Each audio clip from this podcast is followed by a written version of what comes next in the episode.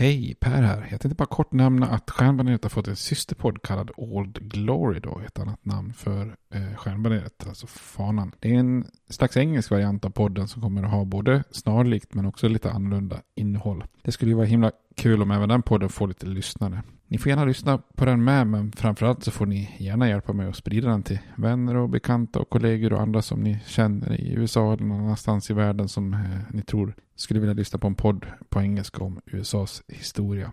Tack, det var bara det jag ville säga. Nu kommer avsnittet. Hej då! In the market for investment-worthy bags, watches, and fine jewelry, Rebag is the answer. Rebag is a luxury resale platform where each piece is carefully inspected by experts to ensure quality and authenticity. Use Rebag to buy and sell finds from the world's top brands, including Louis Vuitton, Chanel, and Cartier. Head to Rebag.com and get up to 15% off your first purchase as a member with code REBAGNEW. Shop today at Rebag.com. That's R E B A G.com. And use promo code REBAGNEW for up to 15% off your first purchase as a member. Burrow's furniture is built for the way you live. From ensuring easy assembly and disassembly to honoring highly requested new colors for their award-winning seating, they always have their customers in mind. Their modular seating is made out of durable materials to last and grow with you. And with Burrow, you always get fast, free shipping. Get up to 60% off during Burrow's Memorial Day sale at burrow.com slash ACAST. That's burrow.com slash ACAST. burrow.com slash ACAST. Hey, I'm Ryan Reynolds. At Mint Mobile, we like to do the opposite of what Big Wireless does. They charge you a lot, we charge you a little. So naturally, when they announced they'd be raising their prices due to inflation, we decided to deflate our prices due to not hating you. That's right. We're cutting the price of Mint Unlimited from $30 a month to just $15 a month. Give it a try at mintmobile.com slash switch. $45 upfront for three months plus taxes and fees. Promo for new customers for limited time. Unlimited more than 40 gigabytes per month. Slows. Full terms at mintmobile.com.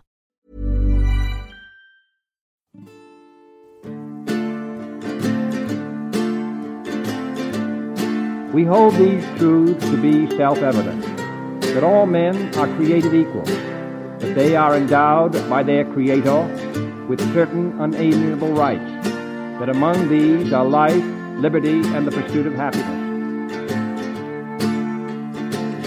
Now we are engaged in a great civil war, testing that government of the people, by the people, for the people, shall not perish from the earth.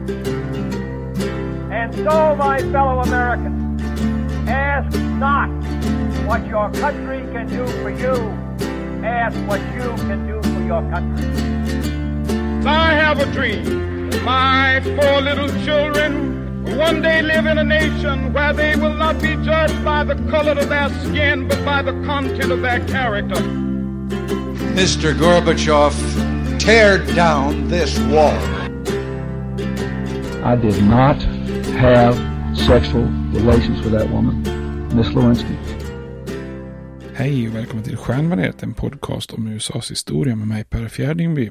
Jag tänkte fortsätta den här serien om afroamerikansk historia och om medborgarrättskamp. Ehm, förra avsnittet så pratade vi ganska mycket om det här med Jim Crow-lagar och vi har ju sett det här hur den här segregeringen och diskrimineringen kommer lite grann steg för steg i södern då. Och allt det här stöds ju till slut då med formella lagar eh, och regler. Men systemet stöds långt ifrån bara med liksom lagar och rättsfall och sånt där, utan det finns också en slags informell, informellt system av regler och lagar som alltid har någon form av inslag av våld. Då. Och den här vita makten i södern har ju väldigt många sådana verktyg för att hålla systemet på plats. Då. Och under just 1890-talet ehm, så ökar våldet mot afroamerikaner. Afroamerikaner på något vis sätts på plats då. Och det här våldet är kusligt öppet och synligt Eh, och det är ju också såklart för att få skrämmande effekt och, och, skicka budskapet och se till att det går hem då. Att man ska liksom inte sätta sig upp mot den vita maktstrukturen då. Och idag tänkte vi kolla lite grann på hur det här fungerar då.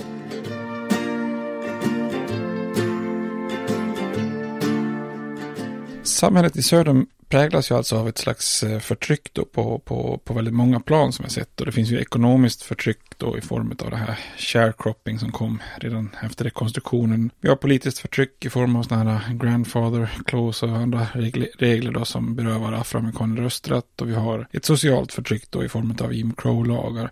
Och bakom allt det här ligger ju den här självklara rasismen som existerar i södern och som etablerades redan under slaveriet. Och vita i södern insisterar ju på att svarta var ett folk som skulle eh, agera som underordnade helt enkelt och vara en slags lydig andra klassens invånare. Den vita rasen skulle så att säga dominera. Och så länge slaveriet fanns så var det ju ganska lätt att efterleva det här då. Men när slaveriet avskaffas så försöker man helt enkelt skapa en ny ordning av dominans och underkastelse då. Eh, och då uppstår det en slags kultur i södern eh, för hur man ska agera i samhället i olika situationer. Eh, och den här kulturen brukar då kallas för rasetikett. Och det är liksom den, den minsta formen utav, av att liksom verkställa den här rasismen då. Eh, rasetikett är ju liksom en slags komplex uppsättning beteenden som skulle användas i, i vardagen i relationer mellan vita och svarta då. Alltså egentligen segregering i det lilla, i det, i det vardagliga då. Eh, det är en slags ständig påminnelse om att vita ska dominera och svarta ska underkasta sig vita. Och det innebär att, liksom att vita och svarta till exempel i södern skakar aldrig händer med varandra. Eh, svarta får inte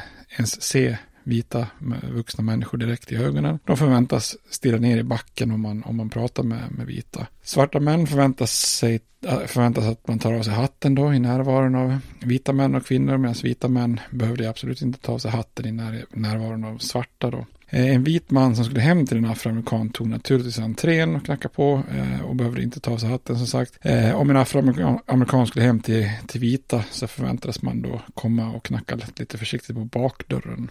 Eh, det här går igen också liksom i det här med att använda respektfulla eller nedvärderande titlar när man tilltalar vuxna. Eh, vuxna svarta ska ju då eh, tilltala vita då med respekt. Mr eller Mrs eller Miss. Medan då vita eh, istället oftast använder förnamnet på, på afroamerikaner eller kort och gott bara kallar dem för boy eller girl då om det var aningens yngre personer eller auntie eller uncle om de är lite äldre då. Men naturligtvis var det också ganska vanligt med, med det lite mer vidriga att bara kalla, kalla svarta för nigger då. Tvärtom så förväntas ju då afroamerikanerna använda de formella liksom Mr, Mrs och Miss för vita, även till ungdomar så att säga. En, en svart vuxen får kalla en, en ung vit eh, pojke till exempel för Mr. Medan den eh, unga pojken behöver absolut inte kalla den svarta för Mr. Utan kan kalla honom för Boy då. Vita män kunde också kallas för Boss eller Captain då. Eh, lite sådana mer formella eh, titlar på något vis då, som också verkligen personifierar den här maktställningen. Det går i affärer eller liknande verksamheter så hjälptes alltid vita först. Oavsett om afroamerikaner hade anlänt först in i butiken så är det alltid liksom då vita som serveras först eller som, som får sina tjänster först. Eh, I många affärer till exempel fick inte ens svarta kvinnor prova kläderna. Så att säga. Och hårdaste etikettreglerna det gäller ju eh, relationer mellan svarta män och pojkar eh, i relation till då vita kvinnor. Man fick absolut inte titta på en vit kvinna. Skulle man göra något som att le eller blinka mot en vit kvinna så var det faktiskt en ganska stor chans att man faktiskt lynchades. Eh, och att som svart man på något vis ta på en kvinna det är liksom ett jättestort tabu. Det är som ett enormt etikettsbrott. Oavsett om man egentligen bara råkar vidröra någon lite oavsiktligt då så att säga. Ett annat fenomen som, som verkligen liksom används för att upprätthålla eh, hela det här systemet då, det är ju eh, att se till att afroamerikaner är underordnade och accepterar då det här förtrycket och segregeringen och den här typen av rasetikett. Det är ju då våld i olika former och våld som maktmedel var ju aldrig långt borta utan ständigt närvarande då. Södern i slutet på 1800-talet och början av 1900-talet är ju ett väldigt våldsamt samhälle helt enkelt. Under rekonstruktionen så hade ju Ku Klux Klan och KKK-klanen eh, och, det här våldet i södern varit mer en slags kan man säga, politisk förlängd arm som försökte hindra då eh, svarta från att utnyttja sina politiska rättigheter och, och se till att demokraterna återtog makten. När vi kommer in i då det här Jim Crow-samhället på slutet av 1800-talet och början av 1900-talet och, och med rasetikett och så, då får ju det här våldet med en social aspekt. Att, alltså, att man bara helt enkelt bara ska säkerställa att den sociala segregeringen består. Eller annorlunda uttryckt då att, att, att man ska upprätthålla rasetiketten i södern. Eh, ingen svart person får, får liksom sättas upp mot samhällsordningen.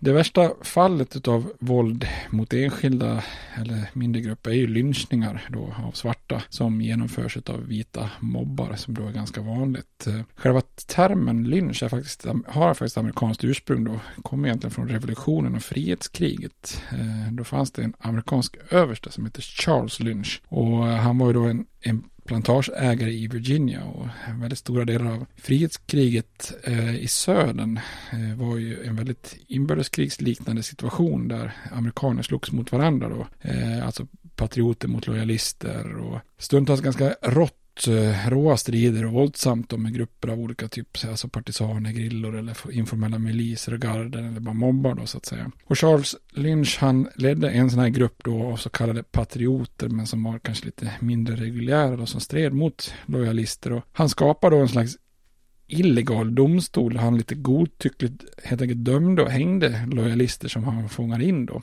Och det här informella och arbitära rättssystemet fick då namnet lynchlås. Eh, och översten själv då brukar helt enkelt kallas för Judge Lynch.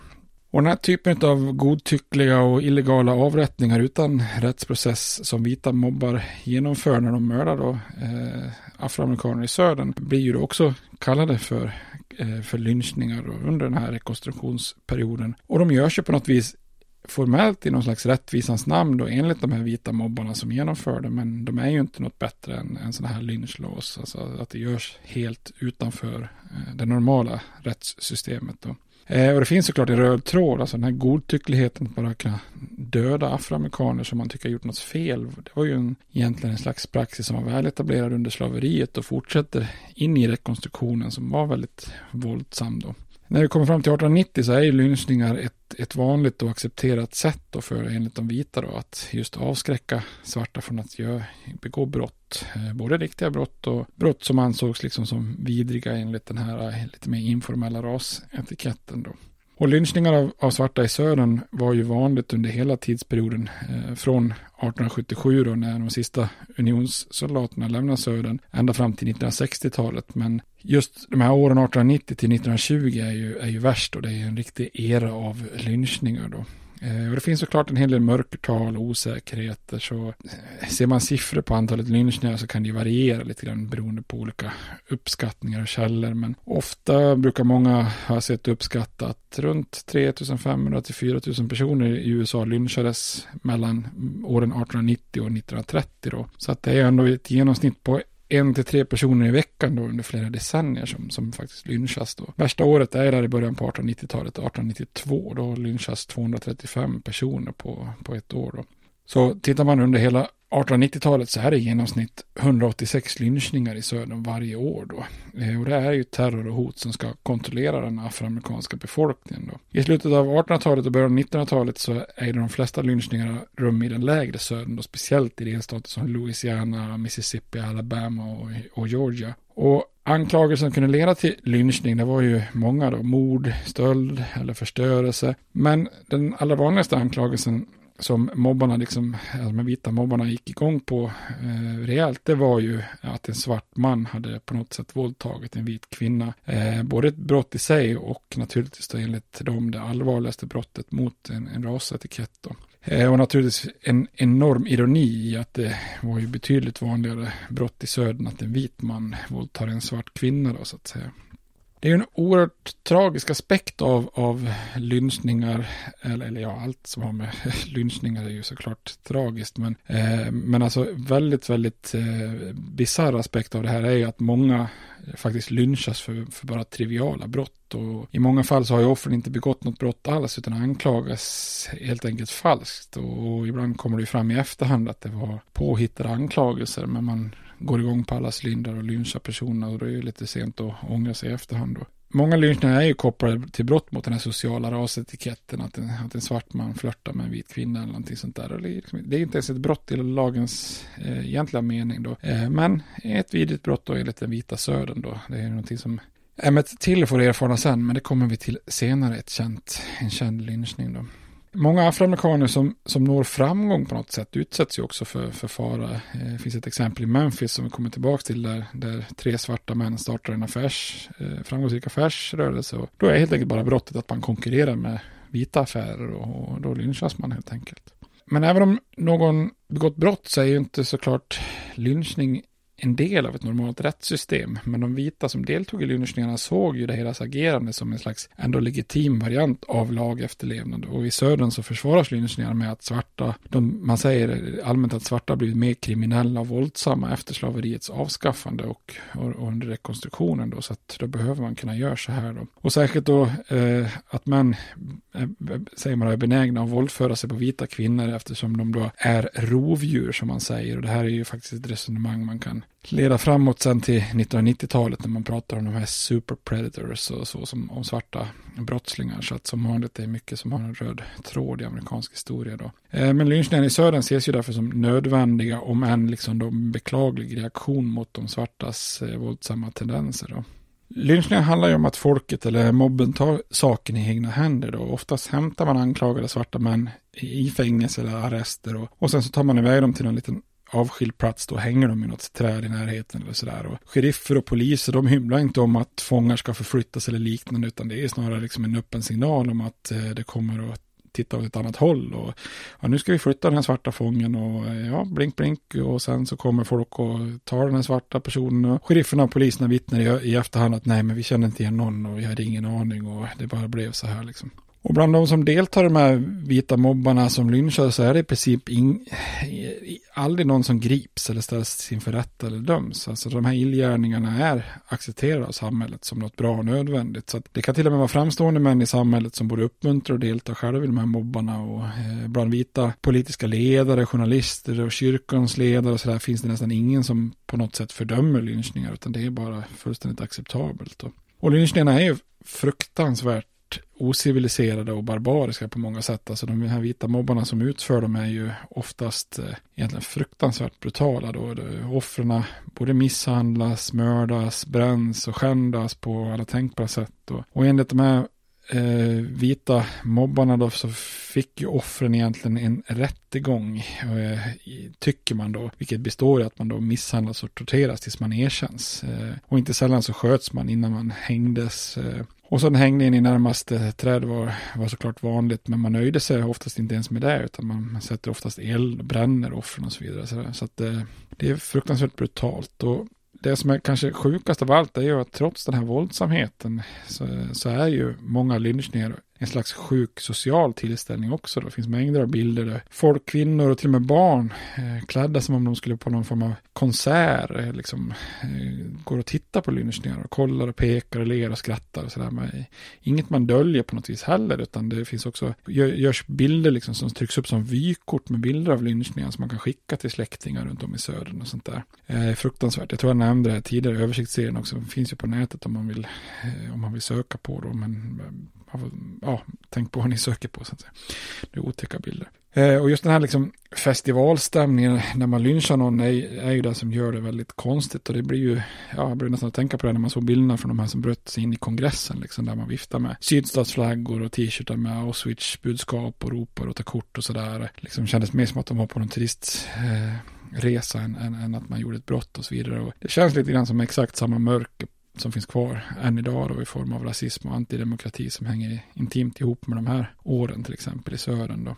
Eh, afroamerikanska män var ju naturligtvis det i särklass vanligaste offren för lynchning, men eh, ibland lynchas också vita om de anses ha hjälpt, hjälpt svarta på något sätt och även afroamerikanska kvinnor kunde, kunde drabbas då. Eh, 1914 i Oklahoma så lynchas en 17-årig tjej som heter Marie Scott eftersom hennes bror hade dödat en vit man som, som våldtagit henne och då hämnas man då så att säga. Eh, ett väldigt otäckt fall eh, är ju Mary Turner i, i Georgia. Ja, är ni känsliga så tryck fram en typ 30 sekunder på podden då. Eh, 1918 så lynchas hennes man och hon proklamerar offentligt att hon ska försöka få de ansvariga inför rätta då. Då. Det räcker för att en vit mobb struntar i att hon är höggravid och bestämmer sig för att lyncha henne. Så de, hennes fötter binds ihop och hon hängs upp, upp och ner i ett träd och sen skär de upp hennes mage så att fostret ramlar i backen. Och så stampar de på fostret och sen sätter de eld på hennes kläder och skjuter henne. Och det är ju liksom det, är det är så brutalt så det saknar motstycke. Så det, de här lynchningarna kan ju vara riktigt, riktigt otäcka.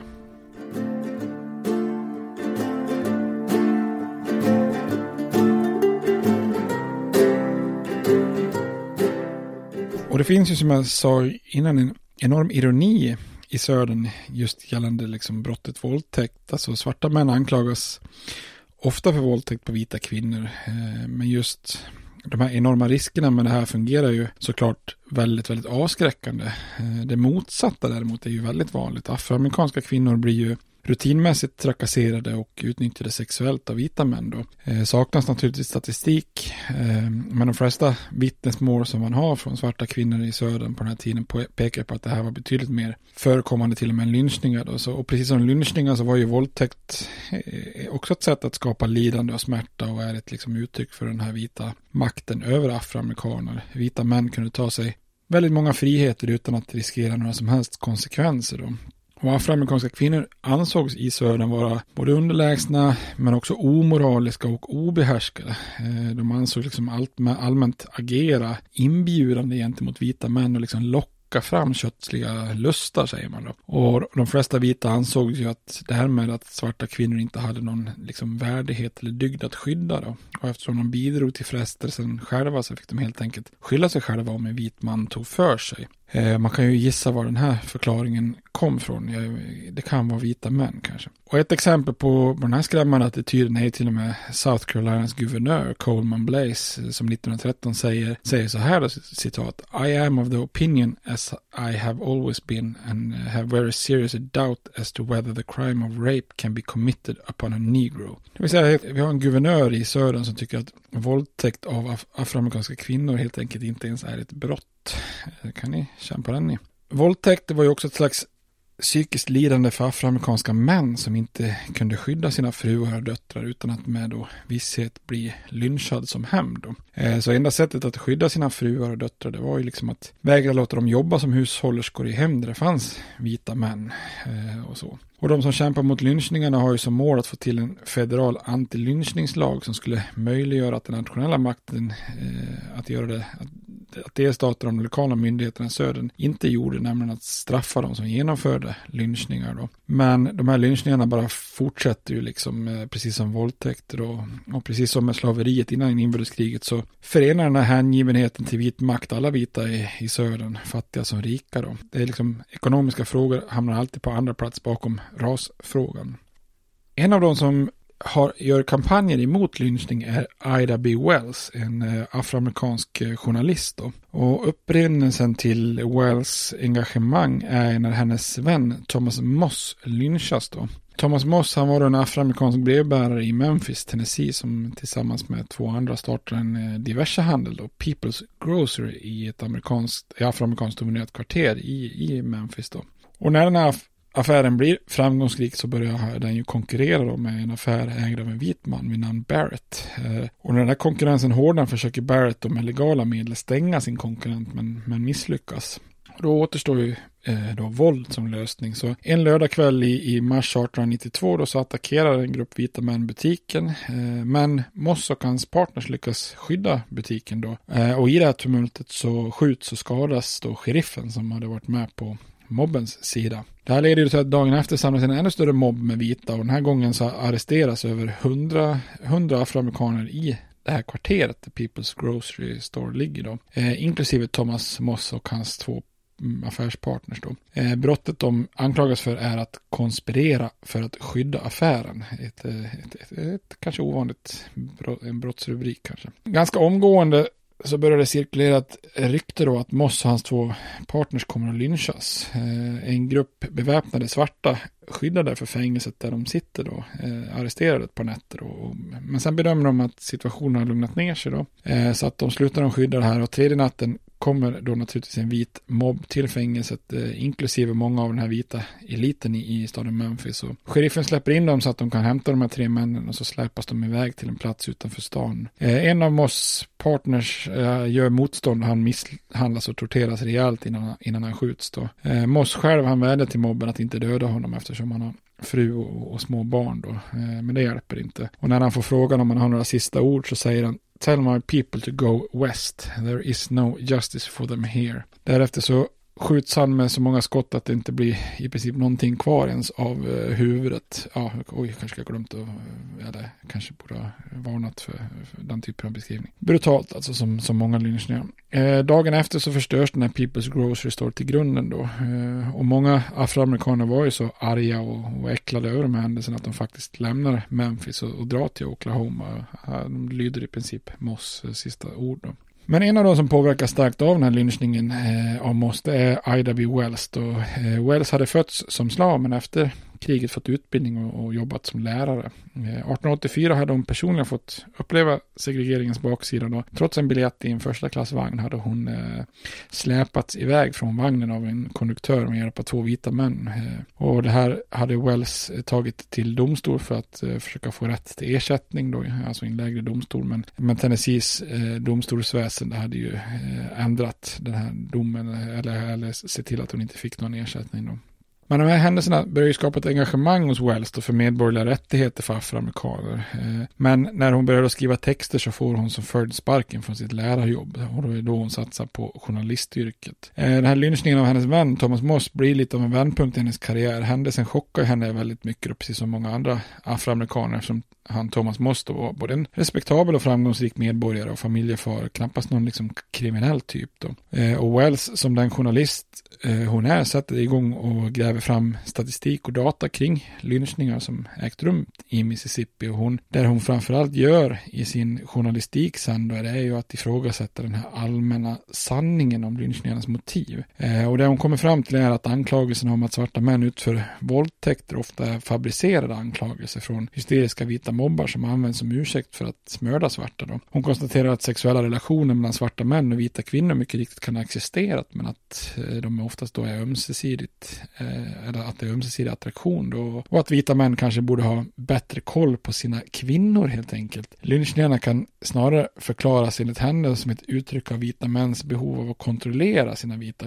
kvinnor då, se till att de inte vågar ha attraktion för svarta män då. Eh, alltså hon är ju ganska tidig med att hitta en förklaring då kring eh, patriarkatet i, i södern då. Men den här beskrivningen av lynchningar och det motivet till lynchningar, det blir ju såklart sprängstoff i, i södern. De vita männen i södern blir ju oerhört provocerade av att läsa något sånt här då. Eh, och de är ju övertygade om att det måste vara en man som ligger bakom den här artikeln då. Eh, och när artikeln publiceras i en tidning i Memphis så, så attackeras kontoret av en mobb naturligtvis då. Som tur är befinner sig Ida B. Wells någon annanstans då och eh, hon inser ganska snabbt då att jag kommer aldrig kunna återvända till Memphis efter att jag har skrivit den här artikeln då. Så istället flyttar hon norrut och inleder en karriär som eh, i, i medborgarrättskampen då tillsammans med andra eh, afroamerikanska ledare och precis som Fredrik Douglass gjorde så gör hon en turné i Storbritannien och föreläser om, om lynchningar och driver på sin kampanj. Så att hon kommer att bli en av de stora profilerna liksom i, i, i de svartas med, med, medborgarrättskamp.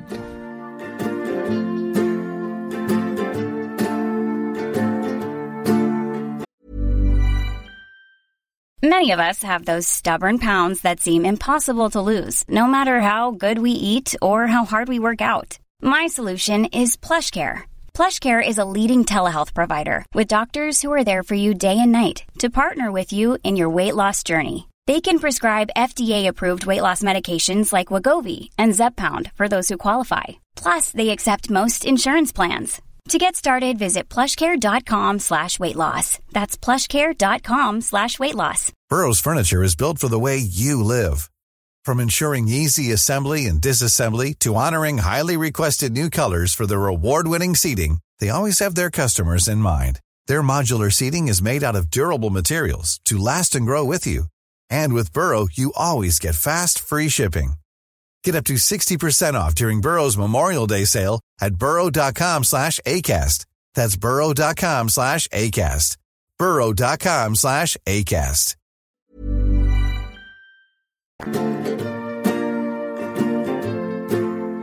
Eh, våldet mot afroamerikaner är ju en mix av rasetikett i vardagen av lynchningar vid specialtillfällen. Eh, men också rasupplopp där det liksom spårar ur och blir våldsamt i större skala. Och, och särskilt om, om svarta får för sig att bjuda upp till motstånd så kan det i vissa saker spåra ur fullständigt. Då.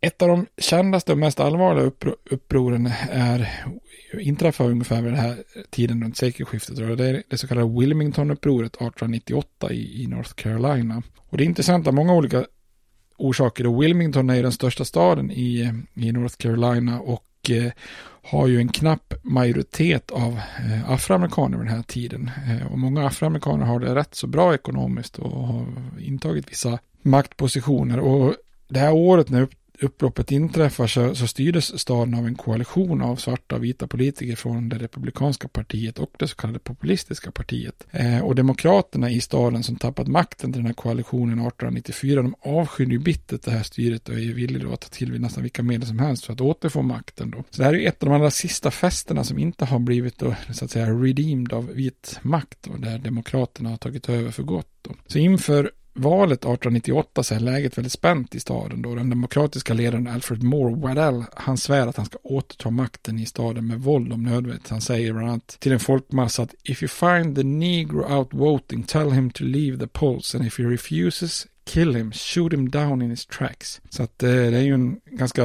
eh, hyfsat tydlig uppmaning till våld då. Och mitt i det här ganska spännande läget så kastar en afroamerikansk journalist vid namn Alex Manley in en lite grann kan man säga en tändsticka på, på bensinen där. Han har, hans artikel är delvis ett svar på ett tal som Georgia-feministen Rebecca Felton höll året innan där hon liksom uppmanar till fler lynchningar som ett sätt att skydda vita kvinnor från att bli våldtagna av svarta män då. Hon hade då sagt så här att if, if it needs lynching to protect women's dearest possessions from the ravening human beasts then I say lynch a thousand times a week if necessary. Alltså verkligen hetsar till lynchning som ett slags sätt att skydda vita kvinnor på något märkligt eh, vänster. Och i den här artikeln som Alex Manley då eh, publicerar som ett svar så menar han på att det snarare är så att vita män allt som ofta begår sexuella övergrepp på svarta kvinnor och han insinuerar också då att den sexuella relationen mellan svarta och män och vita kvinnor på landsbygden snarare sker i samtycke och bland annat skriver han Don't think ever that your own women will remain pure while you are debauching ours. Och eh, det här, precis som Ida B. Wells så är det här oerhört provocerande och hotfull, hotfullt i de vitas ögon då. Så en mobb ledd av många bland stadens elit förstör då tidningskontoret där Manley jobbar. Den här styrande koalitionen i stan de avsäger sig till och med sina uppdrag i ett försök att undvika ytterligare våldsam. Men den här vita mobben är alldeles för upprepad och det blir en slags orgie av våld och förstörelse riktat mot eh, afroamerikaner.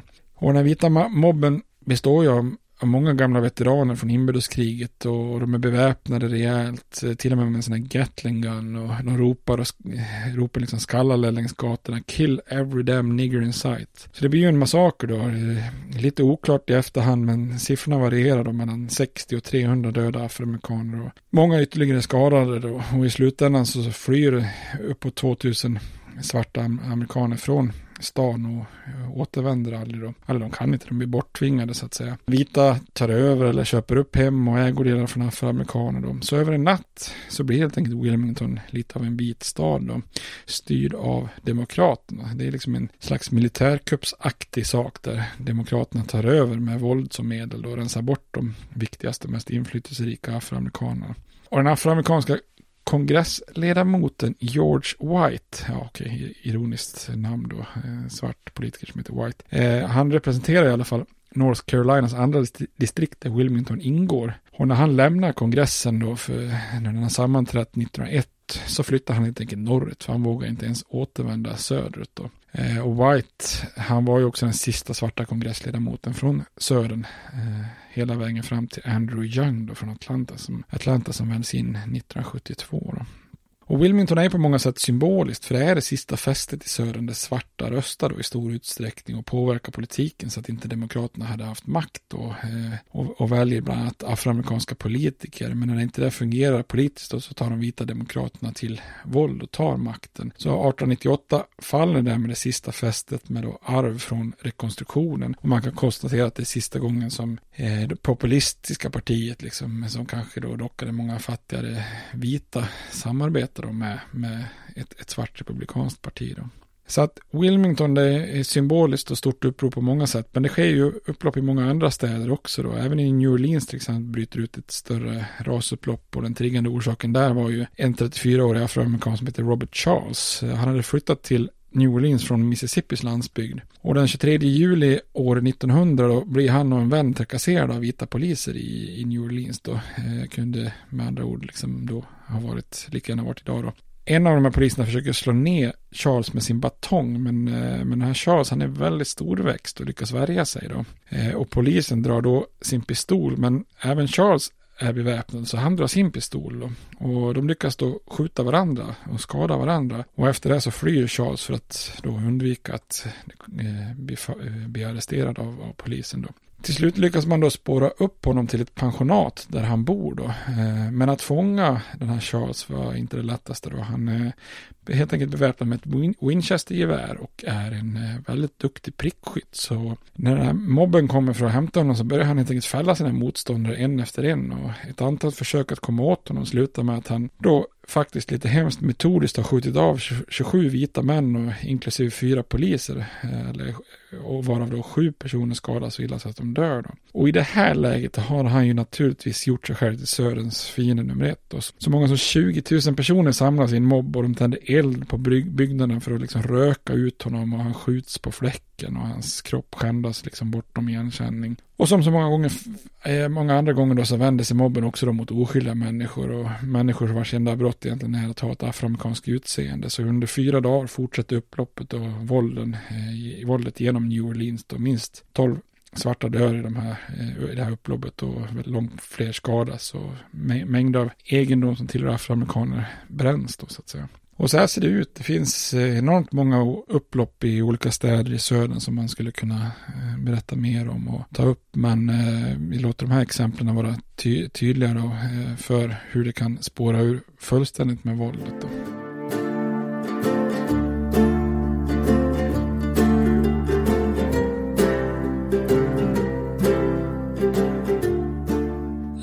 Lynchningar då och mobbvåld och även rasetikett var ju ett sätt att sätta afroamerikaner på plats utan att ens behöva blanda in det normala rättssystemet som, som amerikaner normalt är så, så stolta över. Dem. Men om afroamerikaner ändå på något sätt blev berörda av rättssystemet i södern så innebär det egentligen bara Eh, orättvisa för afroamerikaner. Eh, lagstiftare i södern oroade sig i slutet av 1800-talet och början av 1900-talet allt mer för det man uppfattade som det växande problemet med svarta kriminella och då gör de allt de kan för att helt enkelt kontrollera den afroamerikanska befolkningen då. Så lagar och regler utformas specifikt för att kunna reglera beteendet hos svarta då.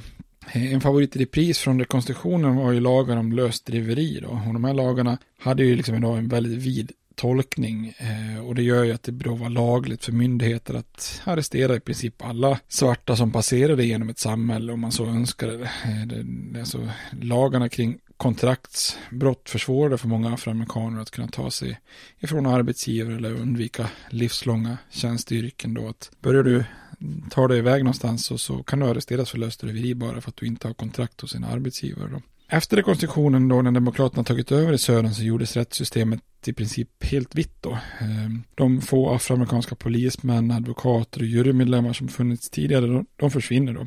Runt sekelskiftet 1900 så består alltid jurymedlemmar i södern av 100% vita män då.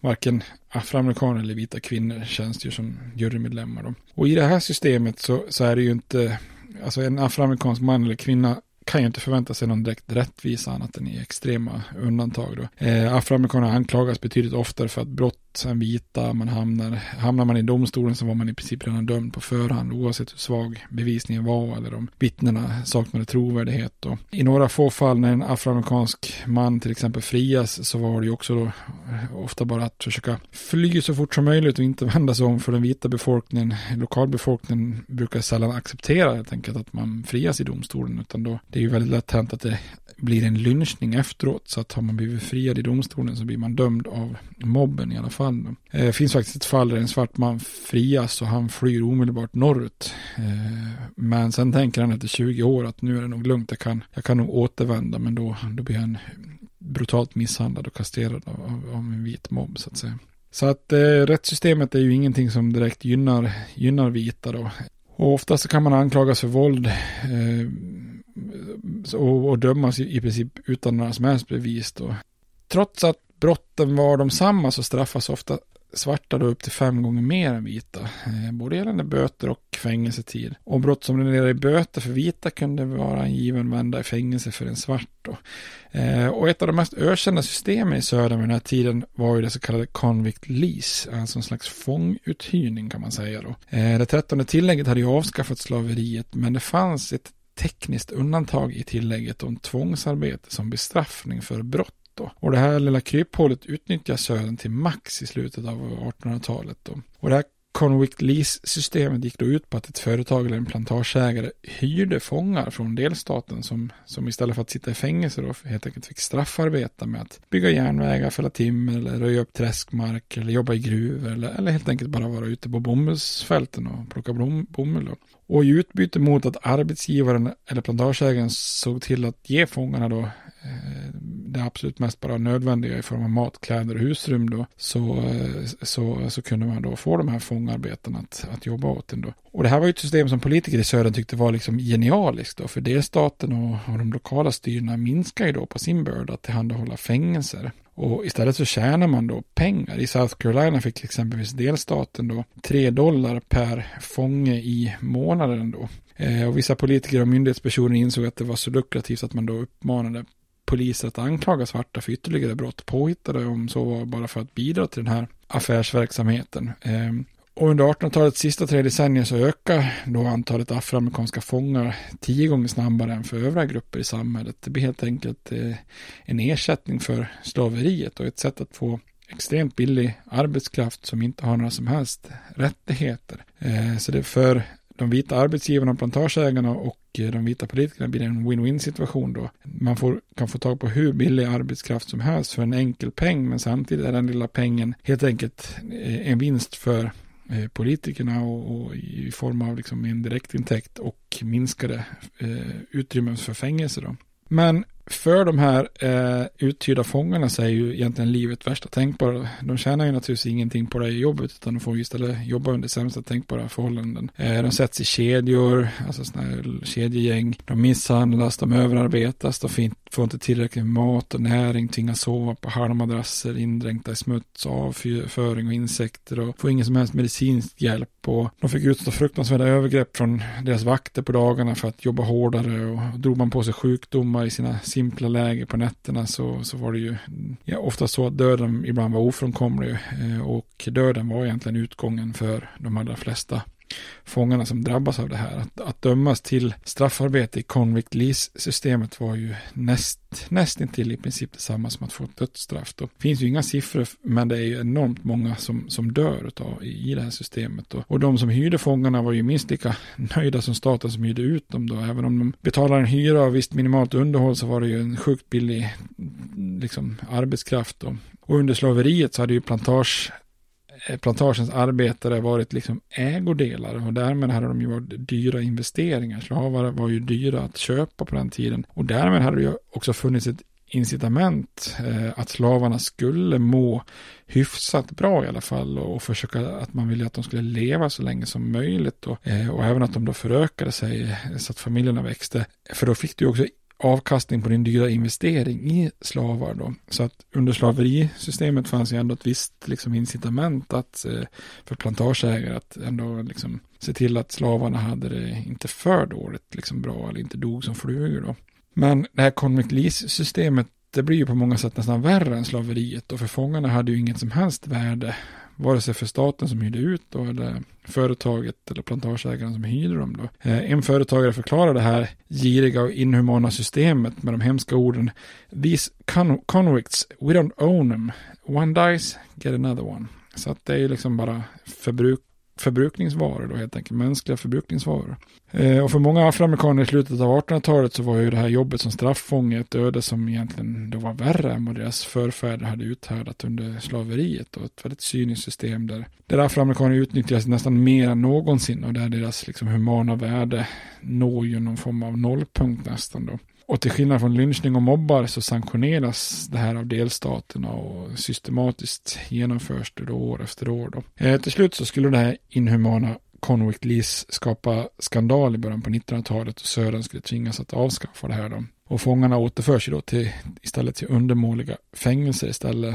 Eh, men med så många andra aspekter så var det för sent då. Det skapat ett arv som finns kvar än idag då. Egentligen om man drar ut den röda tråden. I våg efter våg så har ju amerikanska myndigheter genomfört olika lagreformer och krafttag mot brottslighet som ofta då drabbar afroamerikaner hårdare än andra grupper. Och det blir ju liksom en taktik för det vita USA som fungerar i generation efter generation egentligen. Och resultatet ser vi ju än idag med överfulla fängelser där afroamerikanska män Eh, är galet överrepresenterade helt enkelt.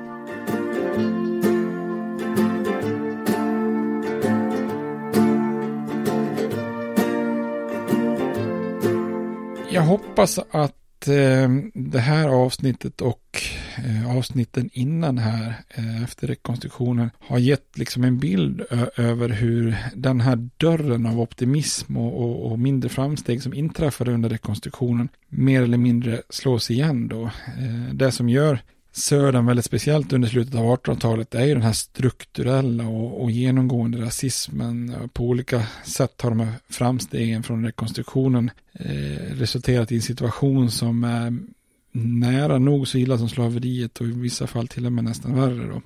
Efter kriget så hade ju 13, 14 och 15 tillägget till konstitutionen eh, både avskaffat slaveriet och det 13, gett afroamerikaner medborgarskap det 14 och gett dem rösträtt och det 15 tillägget.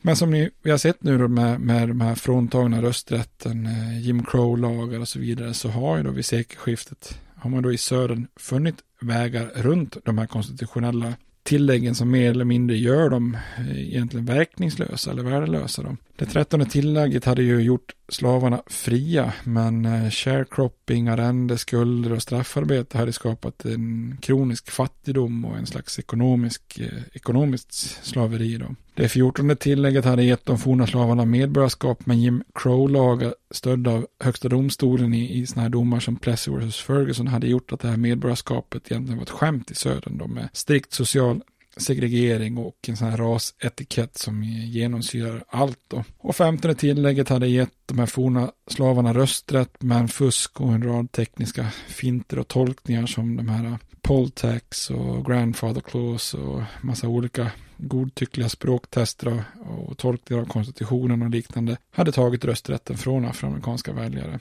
Och om inte reglerna var tillräckligt så i samtliga fall så backades liksom hela samhällssystemet upp av, av våld, lynchningar, rasupplopp och vita maktrörelser som Ku Klux Klan och rödskjortor och andra. Då. Afroamerikaner var rättslösa och, och, och straffas då i ett eh, illegalt men legitimt och accepterat parallellt system då, egentligen i, i södern då. Och jag ville egentligen komma till den här punkten för att från och med nu ska vi börja prata om då olika strategier och olika profiler som, som eh, inom medborgarrättskampen och hur, hur man då sakta men säkert börjar eh, jobba eh, inom det afroamerikanska samfundet för att försöka få tillbaka sina rättigheter och sånt där. Och kulmen på det här på något vis blir ju medborgarrättsrörelsen i början på, på 60-talet. Men för att förstå hur svårt och hur, hur brant uppförsbacke man hade för att komma dit så måste man nästan förstå då vart afroamerikanerna befinner sig runt sekelskiftet i, i USA. Annars är det väldigt svårt att förstå varför det går så långsamt och varför strategierna Eh, är så olika fram till och med till, till medborgarrättsrörelsen. Och det är ju liksom på något vis att här är vi vid, vid sekelskiftet. Det är ju ett lågvattensmärke där afroamerikaner i södern verkligen saknar alla sina civila rättigheter och eh, har väldigt svårt att göra någonting för att protestera mot, mot systemet. Och det är där vi måste liksom utgå för att förstå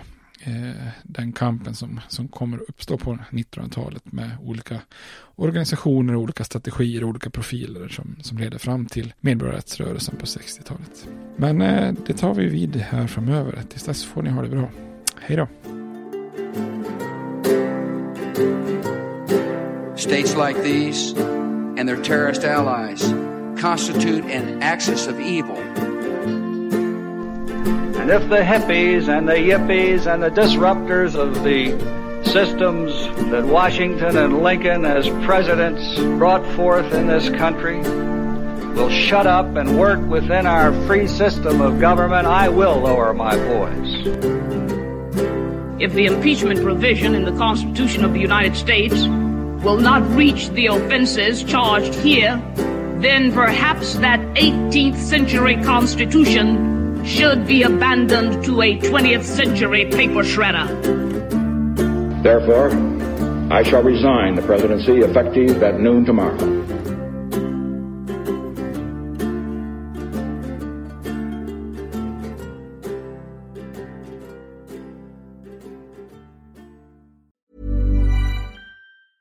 Hey, it's Paige DeSorbo from Giggly Squad. High quality fashion without the price tag. Say hello to Quince. I'm snagging high-end essentials like cozy cashmere sweaters, sleek leather jackets, fine jewelry, and so much more. With Quince being 50 to 80% less than similar brands. And they partner with factories that prioritize safe, ethical, and responsible manufacturing. I love that. Luxury quality within reach. Go to quince.com slash style to get free shipping and 365 day returns on your next order. Quince.com slash style.